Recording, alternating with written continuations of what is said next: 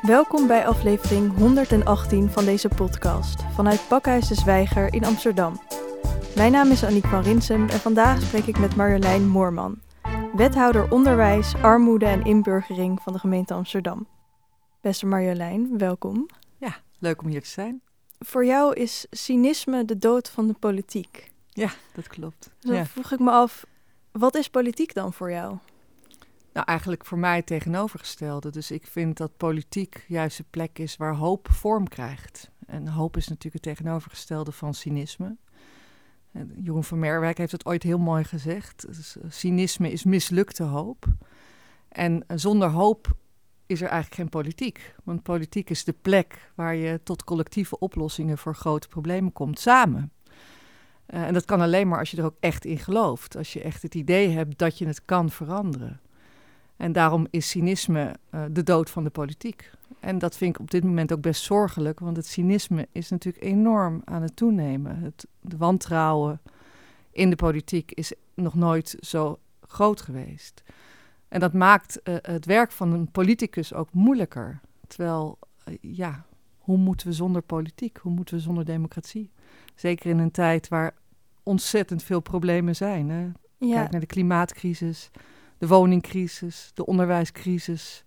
En ga zo nog maar door. Ja, ik vind het ook mooi dat het dus uh, mislukte hoop is. Want dat impliceert ook dat er wel altijd hoop was, of is geweest, of misschien nog is. Zeg maar dat, dat cynisme uh, eigenlijk niet kan zijn zonder de hoop. Ja, nou ja, en ik heb de hoop dus nog lang niet opgegeven. Hè? Dus uh, ik vind ook als je cynisch wordt, en het ligt altijd op de loer. Hè? Dus ik betrap mezelf ook wel eens op momenten dat ik denk: uh, lukt het wel, kan het nog wel? Maar ik vind dat als je echt cynisch wordt, dan moet je ook uit de politiek.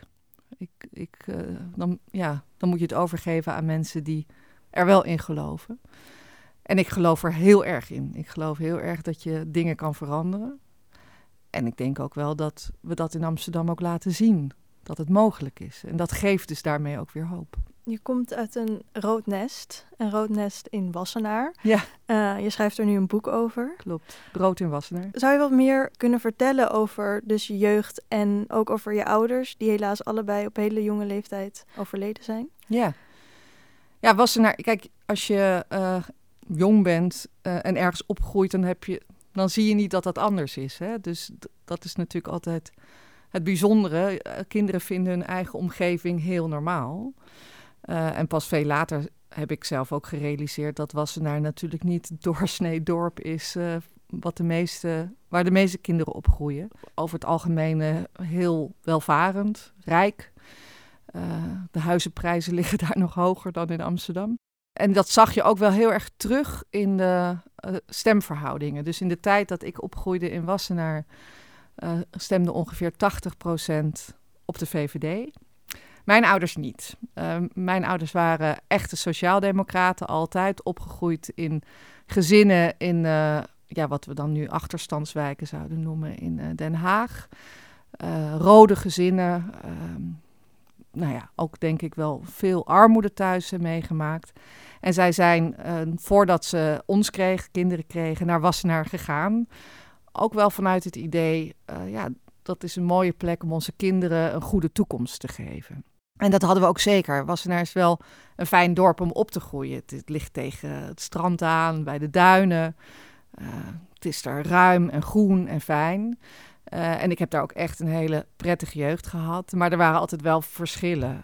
Uh, wij hadden thuis, nou, ik denk relatief gezien, helemaal niet zo ontzettend slecht. Maar wel in vergelijking met veel van de Wassenaars huishoudens zag, waren er wel verschillen. Hè? Dus wij, wij woonden gewoon in een, ik denk een heel normaal huis, maar niet in zo'n mega villa uh, zoals in veel Wassenaarse gezinnen. En ik was me ook wel jong al wel uh, bewust wel van die verschillen. Nou, wat ik eigenlijk vooral wel gek vond, hè, omdat mijn ouders die waren dus rood, PvdA, VARA-gids.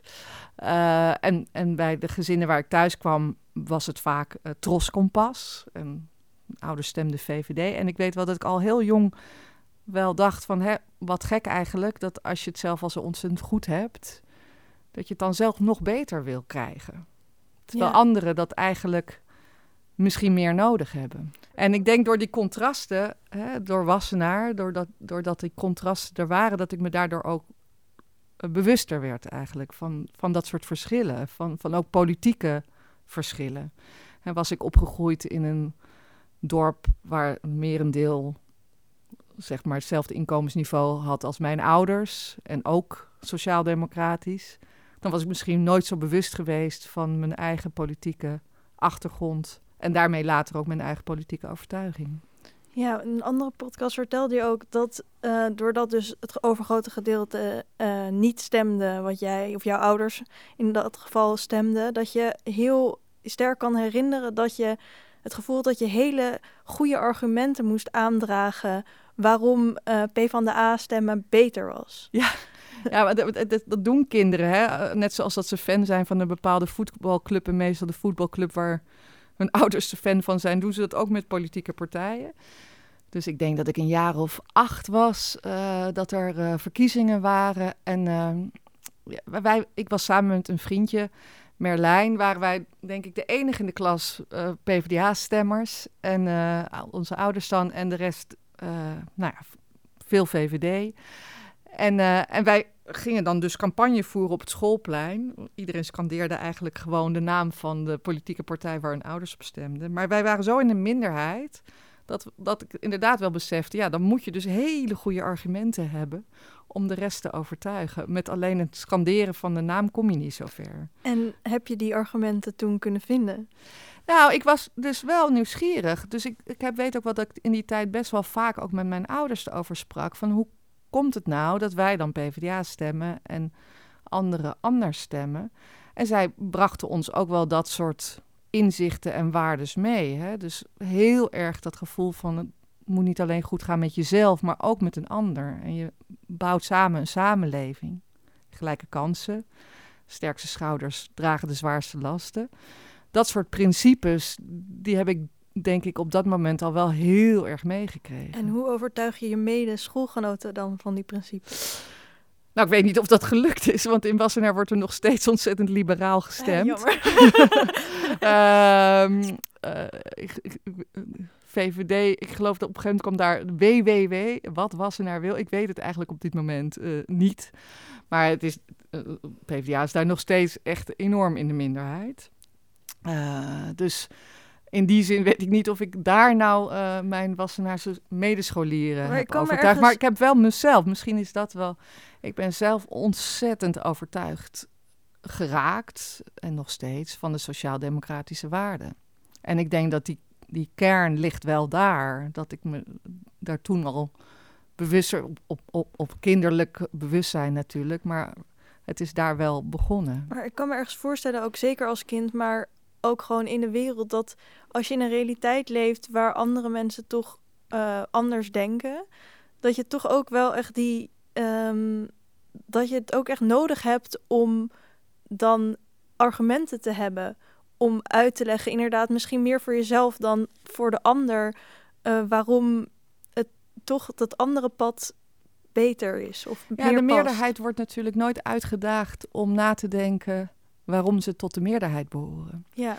Uh, en de minderheid uh, vraagt zich af waarom zij uh, anders zijn.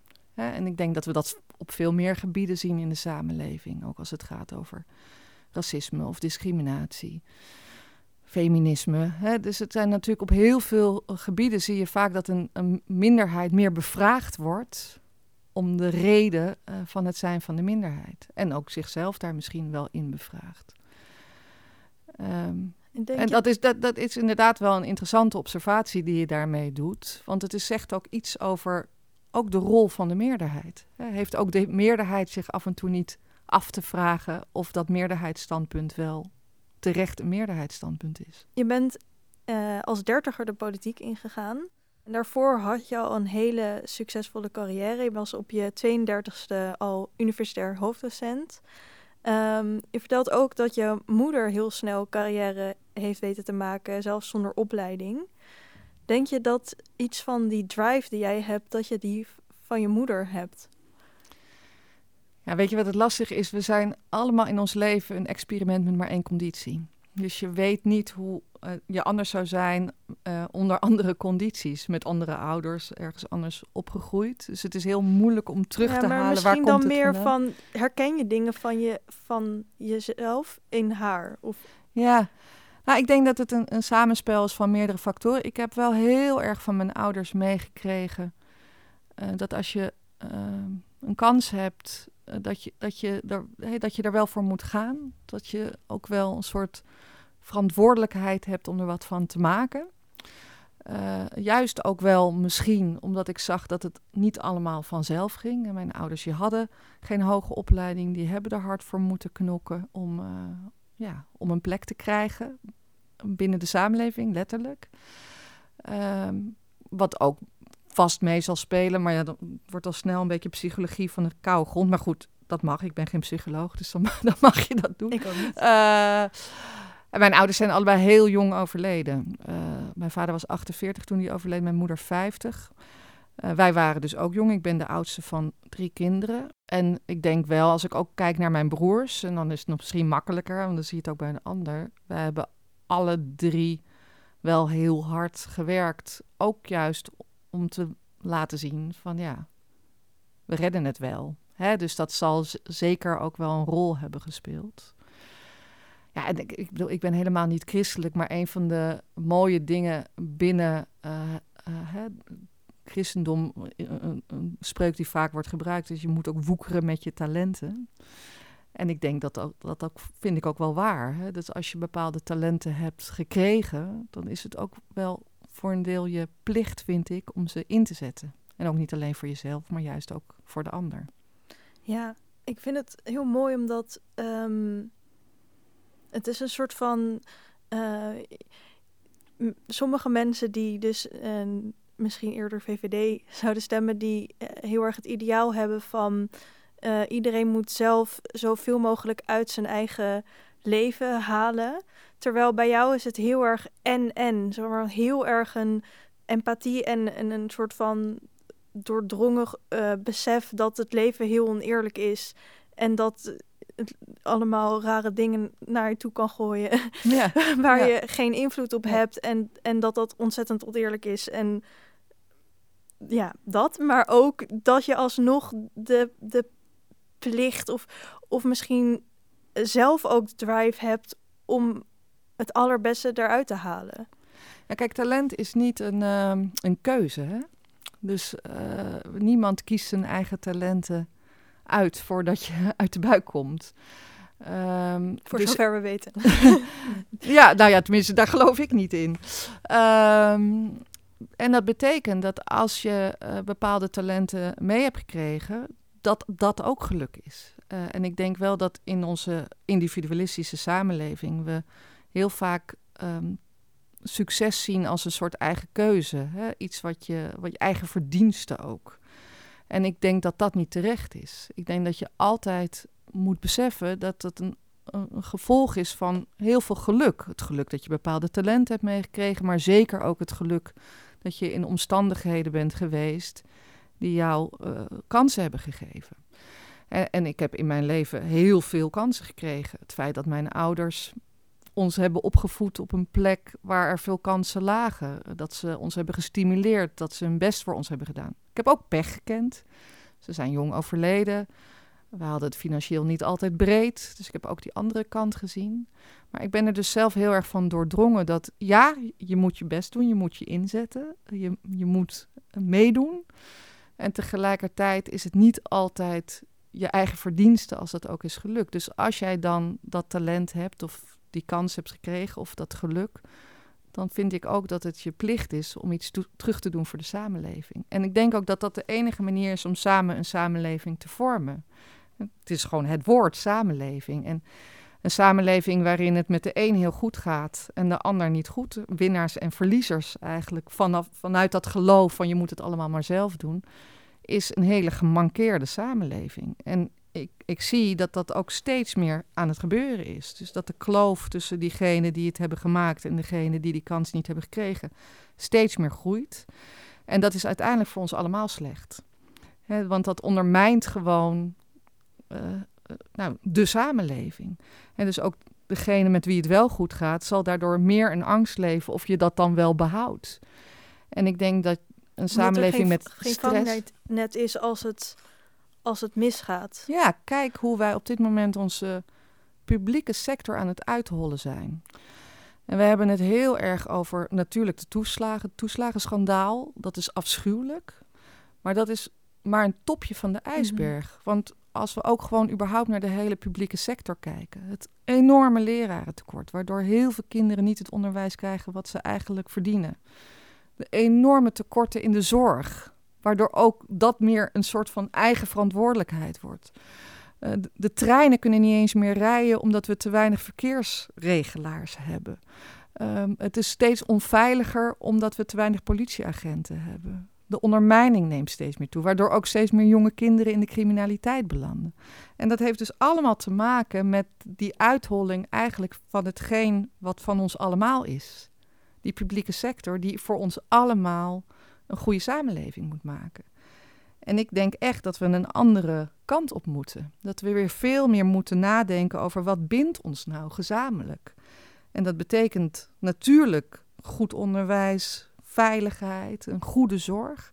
Maar ook echt naar elkaar omkijken. hoe gaat het eigenlijk met jou? En ik zie dat dat ook steeds meer uit elkaar drijft. Omdat iedereen steeds meer op zichzelf teruggeworpen wordt. Nou, kijk bijvoorbeeld naar de totaal ontploffende bijlesindustrie dat is echt in tien jaar tijd is het vertienvoudigd. Er wordt op dit moment meer dan 300 miljoen aan bijles Want uitgegeven. Hoeveel kinderen krijgen er bijles in Amsterdam? Uh, nou, ik, ik, geloof dat de laatste cijfers zijn, maar het is landelijk hoor, dat ongeveer een kwart van de groep achters bijles ja, dat is echt bizar. En dat... Niet in mijn tijd hoor, toen wij op de basisschool zaten. Bijles, dat was echt iets... En sowieso alleen maar als je ergens achterstand in had opgelopen. En tegenwoordig is bijles vooral iets om je voorsprong te vergroten. Dus het heeft een hele andere waarde gekregen.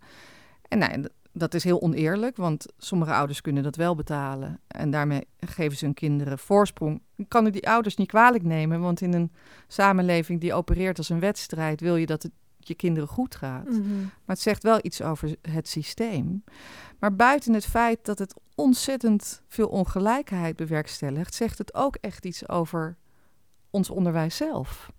Het zegt iets over de crisis in het onderwijs. Dat blijkbaar ouders zich geneigd voelen om het dan maar buiten eh, het onderwijs te zoeken. Hè? Dus daarmee zijn we eigenlijk ons onderwijs aan het privatiseren. Heel erg sluipenderwijs. En daarmee zien we misschien ook wel niet hoe erg die crisis in het onderwijs eigenlijk is. Want diegene die het zichzelf kan permitteren en veroorloven, die weet altijd wel een bypass uh, te verzinnen om te zorgen dat het jouw kinderen toch goed gaat. En daarmee neemt ook die ongelijkheid weer toe. En zien we misschien wel niet hoe het gaat met die kinderen die die kansen allemaal niet krijgen. Ja, en zo draaien we eigenlijk steeds meer vast. Ja, heel, heel duidelijk. En um, je bent heel erg bezig om dat besef meer in het licht te krijgen. De documentaire serie Klas is een super goed voorbeeld daarvan. Maar ook uh, jouw eigen openheid over, over je eigen leven. Um, daarmee laat je echt zien van we moeten meer aandacht hebben voor elkaar als, als mens en uh, uit die wedstrijd stappen. Ja. Dat is denk ik een hele, hele goede manier om er iets aan te veranderen. Maar wat is er nog meer nodig in onze maatschappij, zodat, zodat mensen ook de situaties van anderen um, weer snappen uh, en, en daar ook op een, op een gezonde manier uh, interesse en empathie voor ja. kunnen opbrengen? Nou, dat is een hele goede vraag. Ik denk dat representatie daarin ontzettend belangrijk is. Dus dat alle stemmen ook daadwerkelijk worden gehoord. Ik heb wel sterk de indruk dat degene die um, de politici zijn, de beleidsmakers, de journalisten, uh, zich steeds minder uh, beseffen hoe het eigenlijk gaat met uh, de anderen. Ehm, ik, als reactie op de serie Klassen kreeg ik echt heel veel berichten. En die vielen eigenlijk uit één en twee categorieën. De eerste categorie mensen die zeiden, nou ik durfde bijna niet te kijken, want het was zo pijnlijk om daar weer mee geconfronteerd te worden. Hetgene wat ik zelf zo heb ervaren. En dat het dus nog steeds zo is. Maar er was ook een hele grote categorie van ouders die zeiden: Ik kijk dit met mijn kinderen om te laten zien hoe geprivilegeerd ze eigenlijk zijn. Want ik heb me eigenlijk niet gerealiseerd dat die ongelijkheid nog zo groot is. En dat zegt wat. Het is heel goed dat ouders dat dan doen. En ik ben daar ook heel dankbaar voor dat Sarah en Esther, de documentairemakers, die serie hebben gemaakt. Maar het zegt wel wat over hoe blind we eigenlijk zijn geworden voor die ongelijkheid. We hebben het idee dat we in een hele egalitaire samenleving leven. Maar in werkelijkheid is het een hele ongelijke samenleving. Dus ik denk dat het ontzettend belangrijk is dat we de stemmen van iedereen veel meer horen. En daarmee kom je wel ook weer bij een ander punt waar ik me op dit moment wel heel erg veel zorgen over maak in de politiek. Want het horen van de verschillende stemmen is niet hetzelfde als identiteitspolitiek. Want we moeten ook met elkaar beseffen dat je je ook kan verplaatsen in iemand die niet op jou lijkt. Het is niet zo dat, het dat je het alleen maar kan overlaten aan mensen die hè, uh, vanuit een bepaalde gemeenschap of vanuit een bepaalde groep.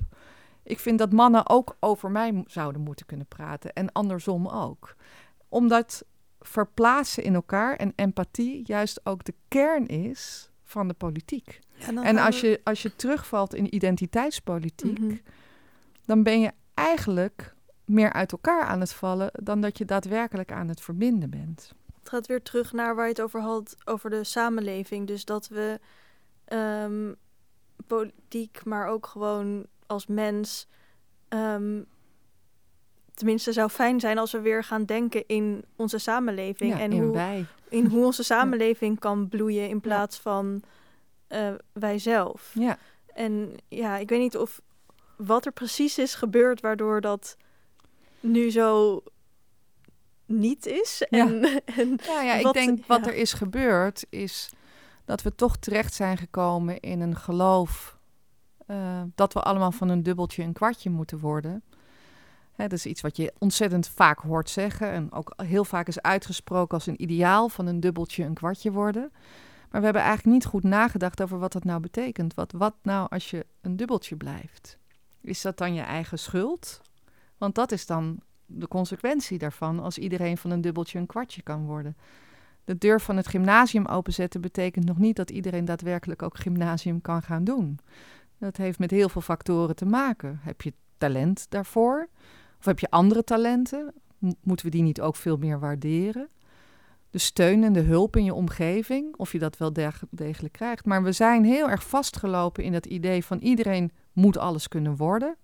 Zelfs Kinderen voor Kinderen, bij de laatste editie uh, heb je zo'n liedje. Ieder, ieder kind moet alles kunnen worden, geloof ik. Okay. dus het is iets wat heel erg. En het klinkt ook mooi. Hè? Het klinkt ook als een heel erg aanlokkelijk uh, perspectief. Hè? Je moet alles kunnen worden.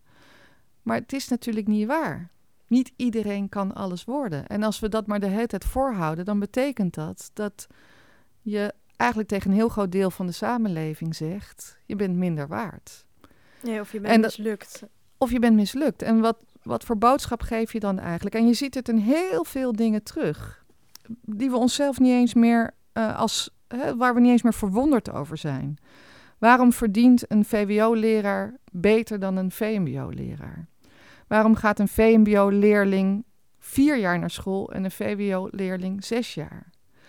Waarom is burgerschap op het VWO vaak een soort zelfontplooiing en op het VMBO het leren van normen en waarden? En dus je ziet dat er allerlei verschillen ook al zijn in de manier waarop wij hele jonge kinderen nog hè, mhm. behandelen.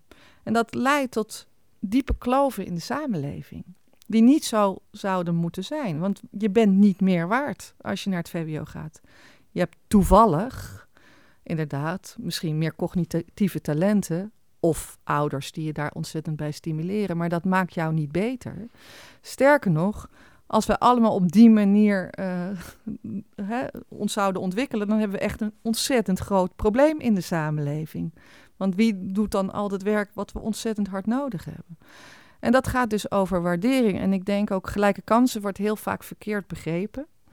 dus met gelijke kansen wordt heel vaak gedacht van, nou ja, inderdaad, iedereen moet alles kunnen worden. Maar gelijke kansen betekent eigenlijk iedereen heeft een gelijke kans op waardering. en een plek in de samenleving. En je talent, wat voor talent dat ook is, zoveel mogelijk tot bloei laten komen. Dat is waar het over gaat. Ja, dat vind ik heel mooi. Ik moest ook eh, denken aan ehm, een, een, jongetje in de in serie Klasse. En ik neem het hem ook echt totaal niet kwalijk, want hij is ook onderdeel van het systeem. Die uh, een, vriendje van hem ehm, krijgt als enige van een groep jongens volgens mij geen VWO-advies. Uh, en dan zegt, dan zegt hij tegen hem: Oh, maar um, uh, dat is niet erg, want je krijgt gewoon het advies wat bij je past. Ja. En dat zegt hij dan op zo'n manier van, dus eigenlijk is het niet erg, want eigenlijk ben je gewoon minder, minder goed. Ja. En dat is ook, wordt ook duidelijk doordat hij dan later in een scène dan echt staat te springen en te dansen, omdat hij allemaal negen en tieners ha ja. haalt.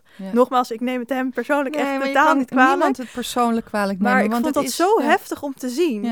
Nou ja, en dus ook die leraar, hè, die meisje wat HAVO-advies krijgt. In de klas ook, hè. Allemaal krijgen ze het uitgedeeld. In tranen uitbarst. Wat al heel erg is, dat ze daarvan in tranen moeten uitbarsten. En waarvan de leraar dan zegt, het geeft niet, want uh, Einstein eet ook graag taartjes. Okay. ja, nou ja, en, en dat is dan je. En ook die leraar, die zit ook vast in het systeem. We zitten allemaal vast in het systeem. Maar jou, jouw vraag was: wat doen we daaraan? En ik denk, het begint wel heel erg bij onszelf weer die vraag te stellen. Is dit nou wel zoals we het willen? Willen we een samenleving met winnaars en verliezers? Willen we op die manier ordenen? Is het normaal dat we kinderen op een twaalfde selecteren en dat ook nog eens een keer over zeven verschillende vakjes? Waarbij we zien dat het helemaal geen eerlijke verdeling is, want het heeft maar heel beperkt met talent te maken en voor een heel groot deel met waar je vandaan komt het stellen van die vraag is, geeft eigenlijk ook al een antwoord. Want ik denk dat iedereen die heel uh, goed nadenkt hierover, tot de conclusie komt dat je niet op die manier kinderen wil indelen. En daarmee dus ook je samenleving wil indelen. Vervolgens moet je dan de vraag stellen: hoe kan het anders? En dat is niet meteen makkelijk, want systemen veranderen is altijd lastig en leidt altijd tot weerstand. Want dat heeft te maken met verbeeldingskracht. En nou ja, hoe moet het dan anders? Maar we zien ontzettend veel voorbeelden om ons heen. Dus zo moeilijk is het ook weer niet. Hè? Je hoeft maar over de grens te kijken om te zien dat het anders kan. Een land als Denemarken, wat laat zien dat het echt heel anders kan. En ze hadden vroeger ook een systeem van vroegere selectie en ze hebben het kunnen aanpassen. Het leidt tot betere uh, onderwijsresultaten overal, want we doen het in Nederland ook helemaal niet goed. Was het nou zo dat de, de, de top het ontzettend goed zou doen in Nederland, dan zou je nog kunnen zeggen: oké, dan is het misschien wat oneerlijk, want we zijn alleen maar in aan het zetten op de top en niet op de rest. Maar ook dat is niet waar. We doen het echt over de hele linie. Dan zijn we ontzettend aan het zakken uh, in onze onderwijsprestaties als je het internationaal vergelijkt. Maar erger nog, de ongelijkheid is echt heel groot. We bungelen onderaan in de index als het gaat over ongelijkheid. In een land als Nederland. In de index zitten hoeveel landen? Ik geloof, uh, ja, moet ik uit mijn hoofd, maar ik, ik, geloof een stuk of veertig landen die daarin met elkaar worden vergeleken. En we zitten echt, geloof ik, op de 26e plek of zo. Het is echt best wel dramatisch. Ja. Dus, dus als je dat al ziet, ja, dan moet je iets gaan doen. Dan moet je daar iets aan veranderen. En dat is niet makkelijk. En ik snap ook dat mensen ook daarin soms cynisch worden over de politiek. Want als je dit zo hoort en, en, en ziet, ja, waarom verandert er dan niet iets? Maar ja, dat is nou juist de reden waarvan ik denk, ik zit in de politiek. Ja, Waarom? Want we moeten het toch ergens gaan veranderen. En dat kunnen we niet overlaten aan individuen. Individuen kunnen niet zelf een collectief probleem oplossen. Dat is ook waarom je niet de ouders die denken, nou dan toch maar bijles, niet de schuld daarvan kan geven. Je kan ook niet de ouders de schuld geven die denken, ik wil heel graag dat mijn kind naar het VWO gaat, want ik snap dat. Want dat levert je op dit moment in de samenleving ook heel veel meer op. De kans dat je een vaste baan krijgt, dat je langer leeft, dat je langer in gezondheid leeft, zelfs dat je gelukkiger wordt in de liefde, is groter met een hoger diploma. Ja, en ook die waardering waar je het eerder over had. Het, het heerst toch wel van, ja... Hoger en lager, we zeggen het al, hè? opstromen en afstromen. Het zit, al, het zit helemaal in onze manier van denken. Je bent dus de politiek ingegaan um, om er iets aan te veranderen. Maar hoe is dat? En heb je, zeg maar... Lukt dat wel? Lukt dat? En is de politiek wat je ervan gehoopt had? Nou, kijk, Max Weber zei dat al heel lang geleden. Hè? Is uh, zagen of boren in harde planken. En dat is het wel. Hè? Het is niet makkelijk. Het is niet snel. Uh, democratie is ook niet de meest efficiënte manier om ergens te komen. Het is wel noodzakelijk dat je het op een democratische manier doet, omdat mensen daar allemaal een stem in moeten hebben. Maar het zijn soms kleinere stapjes dan je zou willen zetten. Ik ben best ongeduldig van aard. Ik zie het probleem, ik wil het heel graag oplossen. Joop den Nel zei het ook al, de smalle marges van de politiek. En toch blijf ik heel erg hoopvol, omdat ik ook wel degelijk zie dat verandering wel mogelijk is. Ik denk dat ook op lokaal niveau we best veel dingen hebben gedaan uh, die laten zien dat, het, dat verandering kan. Um, Zoals? Nou, precies. Heel goed. Een paar voorbeelden. Um, die, die vroege selectie, daar maak ik me ontzettende zorgen over. Dus we geven in Amsterdam een bonus, een brede brugklasbonus, voor scholen die het aandurven om VMBO tot en met VWO bij elkaar te laten zitten, maar niet allemaal op hetzelfde niveau les te geven. Want je wil niet een soort van middenmoot Tuurlijk wil je de kinderen die cognitief meer aankunnen, meer uitdaging geven. natuurlijk wil je de kinderen die meer ondersteuning nodig hebben, dat ook bieden. En dat betekent dat je in de klas dus ook de expertise moet hebben, de aandacht moet hebben, misschien een kleinere klas moet hebben om dat te kunnen doen. En daarom krijgen scholen die dit dus doen, van mij extra geld om dat dan ook aan te bieden, zodat ze ook de kinderen in die klas, waarbij je ziet trouwens dat het ook echt werkt, hè, dus binnen zo'n brede brugklas zie je veel meer kinderen die zich uiteindelijk nog verder blijven ontwikkelen. Verder dan, dat dan was gedacht op 11, 12-jarige leeftijd. Nou, met zo'n brede brugklasbonus verleid je de scholen om niet zo hè, in dat categorale wat we steeds meer zien, alleen maar VWO of alleen maar HAVO of alleen maar VMBO en dan op hele jonge leeftijd in te delen in die verschillende groepjes, om dat te doorbreken. Een ander voorbeeld is, is dat ik in Amsterdam heb gezegd: ik wil niet dat scholen een hele hoge ouderbijdrage vragen. We hebben met elkaar afgesproken in Nederland: onderwijs is gratis, omdat het voor iedereen overal beschikbaar moet zijn. Goed onderwijs, dat is gewoon een recht. En toch zag ik dat een aantal scholen hele hoge ouderbijdrages gingen vragen. Dat waren geen scholen in Noord, in Zuidoost of in Nieuw-West.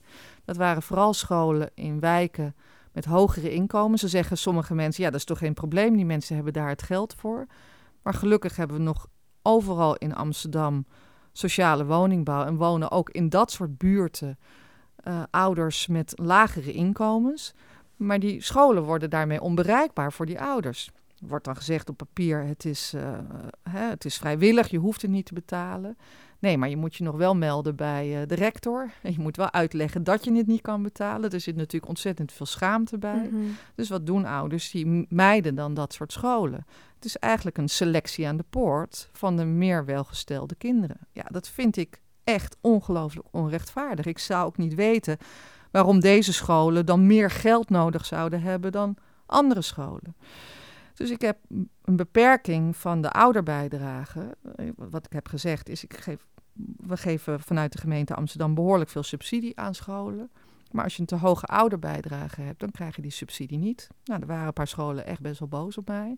Die zeiden, wethouder, dat is niet jouw taak, dat is niet jouw rol. Je, je bemoeit je met dingen waar je niet over Hoezo gaat. zou dat niet jouw taak zijn? Nou ja, eh, eh, wettelijk ga ik daar niet over. En gaan scholen inderdaad zelf over hun ouderbijdrage. Maar ik zei, ja, maar ja, die subsidies die komen wel vanuit de gemeente Amsterdam.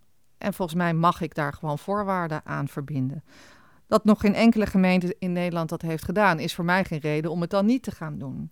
En ik had het ook wettelijk laten uitzoeken door een hoogleraar onderwijsrecht. En die zei ook: ja hoor, als het gewoon een hele duidelijk objectieve regel is die iedereen kan naleven, dan mag je dat doen. Ook al is het nog nooit eerder gedaan, je mag het gewoon doen.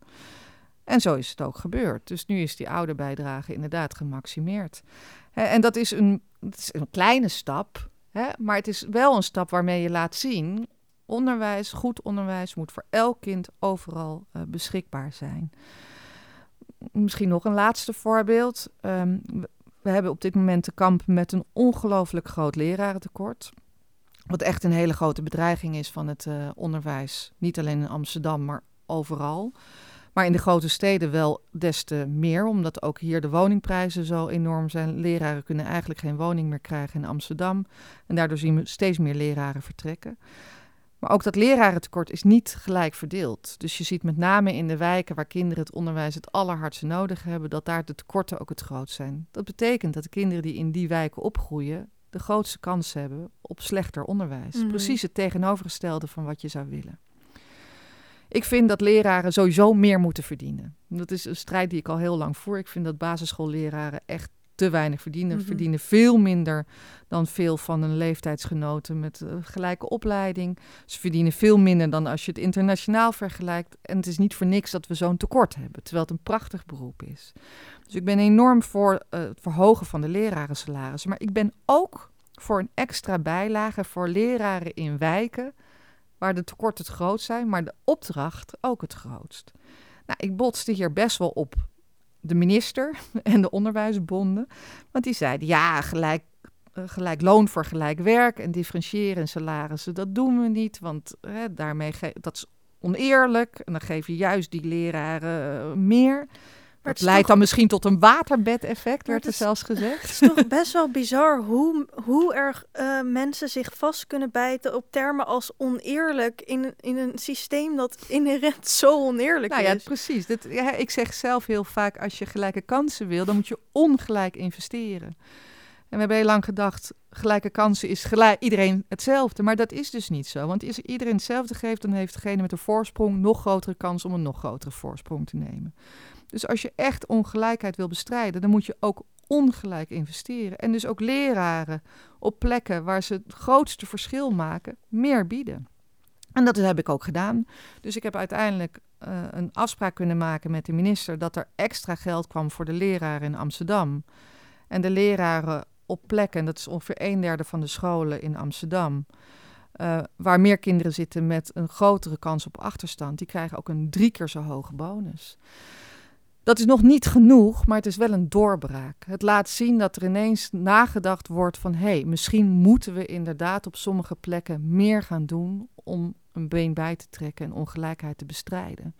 En ik ben nog lang niet klaar. Dit, dit zijn alleen maar voorbeelden van ontwikkelingen die gaande zijn... en waar het is echt niet af.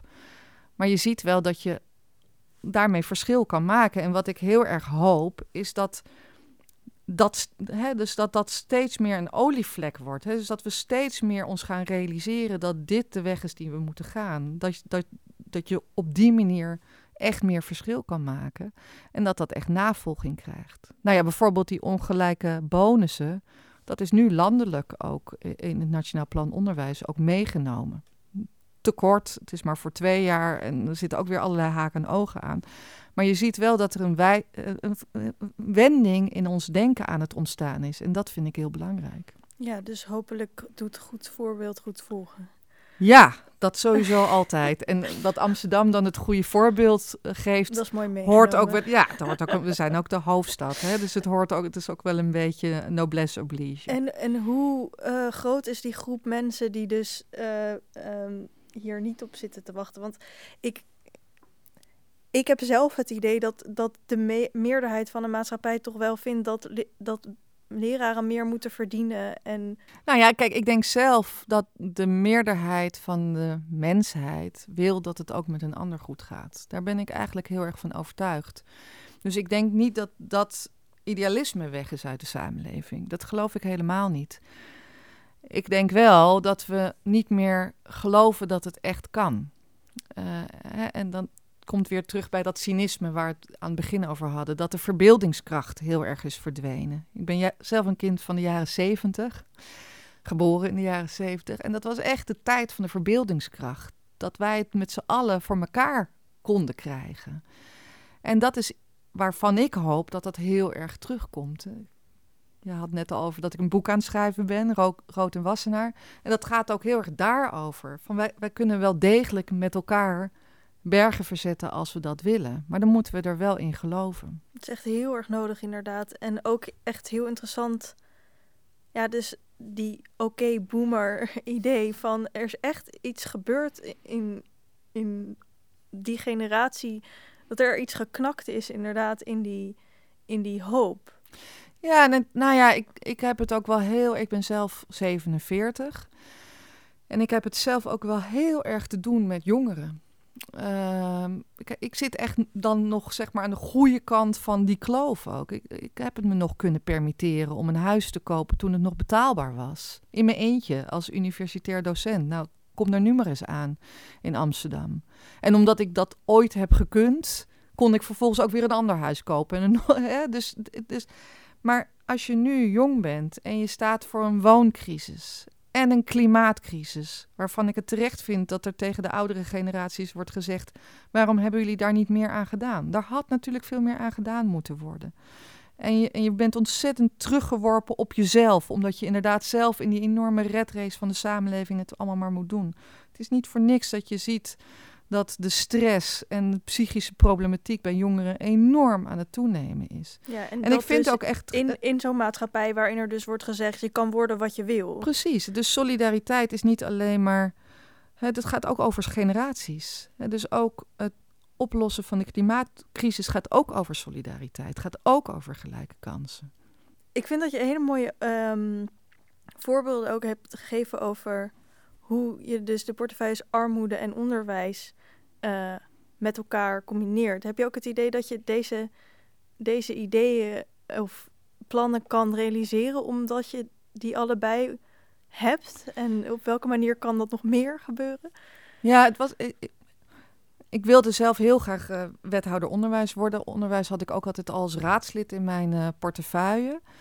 En um, tijdens het onderhandelen over uh, de verschillende portefeuilles kwam armoede daarbij. En dat uh, is, nou, ik ben ontzettend blij dat ik dat met elkaar combineer, omdat het is niet een combinatie die vaak voorkomt, maar hij in de praktijk helpt het enorm. Een van de dingen die we bijvoorbeeld aan het doen zijn in die combinatie van armoede en onderwijs, is dat uh, we de stadspas en iedereen uh, die onder de 120% wettelijk sociaal minimum verdient, dus mensen, dat is de Amsterdamse armoedegrens, 120% van het wettelijk sociaal minimum, die krijgt een stadspas.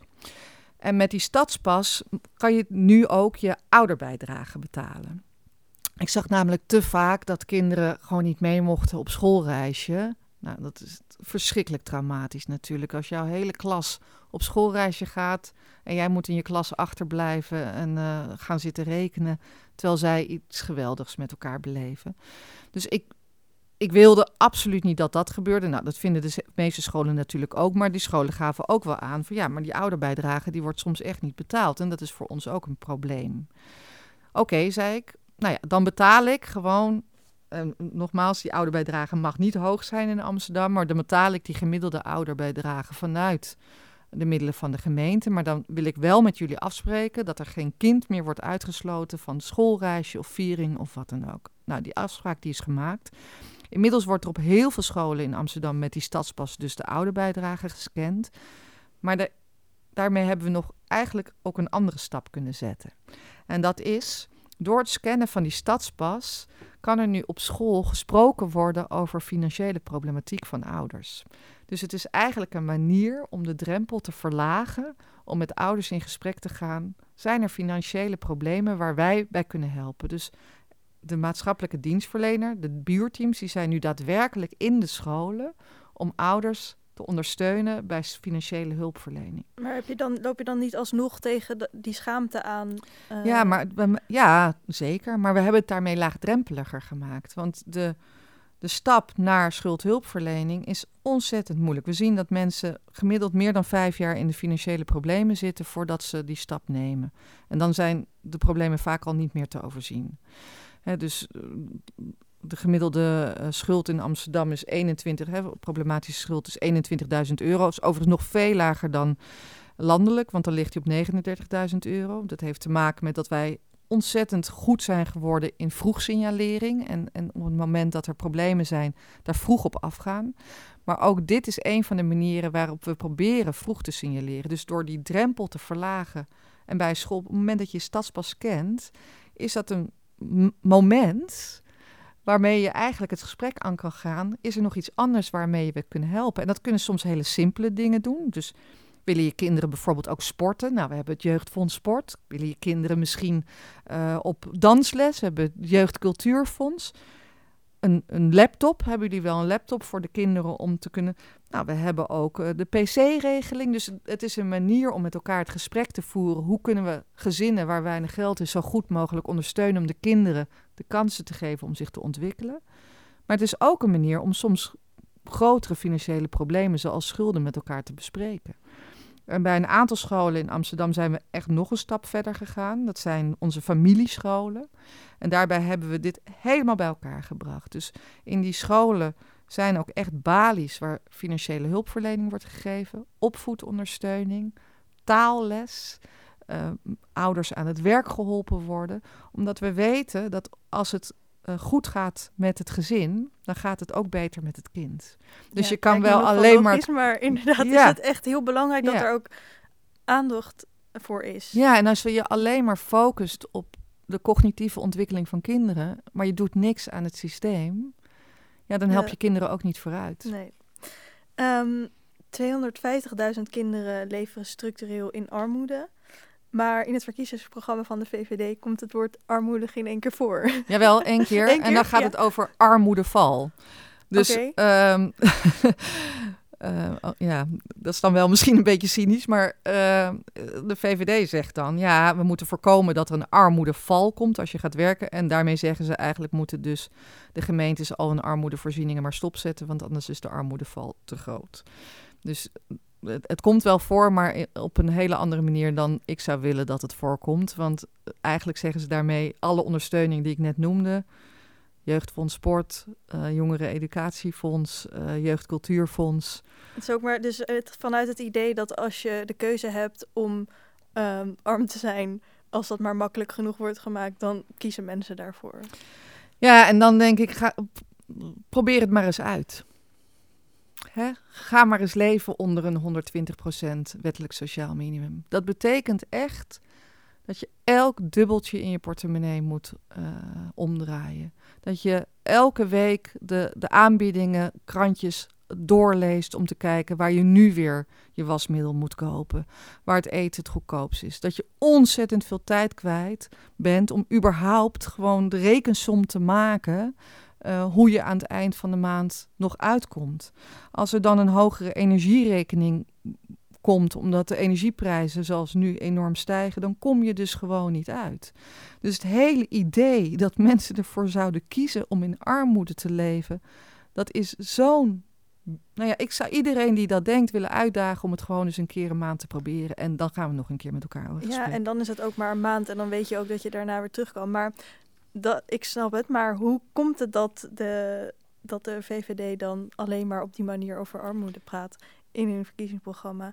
Als er één op de vijf kinderen in Amsterdam in armoede leven, bijvoorbeeld. Nou ja, ik denk dat dat heel erg voortkomt vanuit het idee van succes is een eigen keuze. En daarmee dus ook niet uh, het uh, effect van pech in je leven. Kijk, de meeste mensen die in schulden komen of onder de armoedegrens leven, daar is vaak iets aan de hand. Dat kan een scheiding zijn, dat kan een overlijden zijn, dat kan een ontslag zijn uh, omdat je bijvoorbeeld ziek bent geworden. Dus er zit heel vaak zit er problematiek onder die daartoe heeft geleid. En vervolgens wordt het, gaat het vaak van kwaad tot erger, want kom er maar eens uit. Het is ontzettend moeilijk om uit de armoede te komen. En ik ben het er ontzettend mee eens. Er zijn als, als mensen tegen mij zeggen: ja, maar moeten mensen dan niet werken en meedoen? Ja, graag. Omdat werk veel meer is dan alleen maar geld verdienen. Werk is gewoon een plek in de samenleving. Ik ben heel ben, ik ben van de Partij van de Arbeid. Ik ben ontzettend voor uh, meedoen en werk. En, en zorgen dat mensen een, een dagbesteding hebben en ritme in hun leven. En van waarde kunnen zijn en kunnen bijdragen. Dus ik, ik zie heel erg de waarde van werk. Maar dat is echt heel wat anders dan het stigmatiseren van mensen die in armoede leven. Niemand kiest ervoor om in armoede te leven.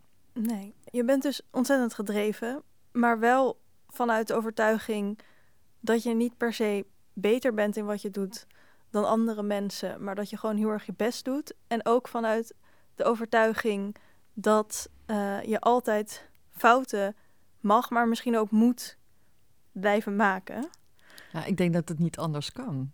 Niemand kan leren zonder fouten te maken. Maar dus ook de overtuiging dat jij niet per se beter bent ehm, nee. dan andere mensen. Wat brengt die houding jou? Ehm, nou, kijk, ik denk sowieso, politiek is een, een vak van voorbijgangers. Hè? Dus het, ik, ik geloof heel erg in ideologisch gedreven politiek. En, en je hoort wel eens politici zeggen: ja, ik ben gewoon heel pragmatisch. En dan denk ik, ja, maar volgens mij gaat politiek niet over pragmatiek. Weet je, politiek is niet een soort manager. Daar hebben we er genoeg van. Politiek gaat over uh, visie en je wereldbeeld. En zorgen dat je daar zo dicht mogelijk bij, bij komt. En wij politici zijn alleen maar tijdelijke voorbijgangers die dat hopelijk een beetje de juiste uh, kant in weten te brengen. En zo sta ik ook heel erg in de politiek. Ik ben eigenlijk wetenschapper. Um, en ik ben niet toevallig in de politiek gekomen, zeker niet. Ik heb mezelf aangemeld en uh, ik ben heel dankbaar dat ik dit een tijd mag doen. Maar er is ook weer een tijd na mij. En mijn enige opdracht is om het verder te brengen. En dat geeft ook wel autonomie, moet ik zeggen. Kijk, ik ben. Um, uh, ik, ik, plak niet aan het pluche, om het maar zo te uh, zeggen. Ik vind het prachtig om te doen. Maar ik realiseer me ook weer heel goed dat er weer een tijd is dat een ander het weer van mij overneemt. En ik denk dat dat een hele gezonde manier is om in de politiek te zitten. Het is in die zin geen beroep. Het is een tijdelijke bevlieging. En wanneer zou dan het punt zijn voor jou om het stokje over te dragen? Ja, dat is een hele goeie. Nou, ik, ik word nu voor de tweede keer lijsttrekker uh, van de PvdA. Um, ik vind het heel, ik zou heel graag nog één termijn als wethouder eh, door willen. Omdat dit natuurlijk een best gek termijn ook is geweest met corona. Waar we zeker de helft van deze termijn mee bezig zijn geweest. Wat mijn idealen ook niet dichterbij heeft gebracht. Want corona heeft de ongelijkheid alleen maar vergroot en verergerd. En natuurlijk heb ik in de tussentijd alles gedaan om te zorgen dat dat effect minder groot werd. Maar ja, dat effect is er wel echt. Dus ik zou heel graag nog één termijn doorgaan. Maar ik denk na twee termijnen wethouder dat het dan ook wel weer tijd is dat een ander het van me overneemt. En wat maakt dat je dat daarvan overtuigd bent? Nou, omdat het ook nou, eigenlijk twee redenen. Eén, je moet fris blijven. Dus het is belangrijk dat de politiek zichzelf ook steeds blijft vernieuwen. En ten tweede, ik vind ook dat het iets is wat we met z'n allen moeten doen. dus het moet niet afhankelijk zijn. We leven in een democratie. En een democratie vraagt dat je, het dus, dat je met z'n allen daarbij betrokken bent. En vanuit dat principe is het ook belangrijk. Maar gaat het dan om plaats maken voor een ander? Ja, ook. Ja. En, maar je, je noemt het net een bevlieging. Maar wat nou als jij die bevlieging vasthoudt en dat eigenlijk tot aan het eind der tijden voelt. Um, en gewoon op de hoogte blijft van de nieuwe dingen. waarom zou je dan niet. Maar ik denk dat dat ook gevaarlijk is. dus ik denk dat als mensen te lang op een bepaalde machtspositie zitten, dat ze ook te veel gaan geloven dat zij de enige zijn die dat kunnen. Dus ik vind het ook niet gezond als mensen te lang uh, op die macht blijven. Ja, er wordt nu wel gesproken. We hebben natuurlijk een premier die nu al meer dan tien jaar zit. En er zijn mensen die zeggen, ja, ook een uh, premierschap zou eigenlijk niet meer dan twee termijnen mogen duren. Ik ben het daarmee eens. Heel veel dank, Marjolein Moorman. Heel graag gedaan. Beste luisteraars, dit was aflevering 118 van de podcastserie van Pakhuis de Zwijger. Wil je meer weten? Kom of kijk dan op donderdag 25 november om 8 uur naar de presentatie Segregatiemonitor Primair en Voortgezet Onderwijs in Pakhuis de Zwijger of via dezwijger.nl slash live. Een rating achterlaten of je abonneren op deze podcast kan via Soundcloud, Spotify, Apple Podcasts of een ander podcastplatform. Dank voor het luisteren en tot de volgende keer.